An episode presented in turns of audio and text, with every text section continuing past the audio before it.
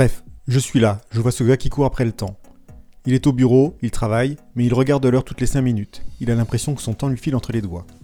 Il fait du jogging, mais n'a pas le temps de s'arrêter pour prendre une pause. Il doit rentrer, il a encore plein de choses à faire. Il est coincé dans le trafic. Il tape sur le volant, il a l'impression de perdre son temps. De retour au bureau, il est tard, il est fatigué, mais il a encore du travail à faire. Il est chez lui, en train de taper sur internet.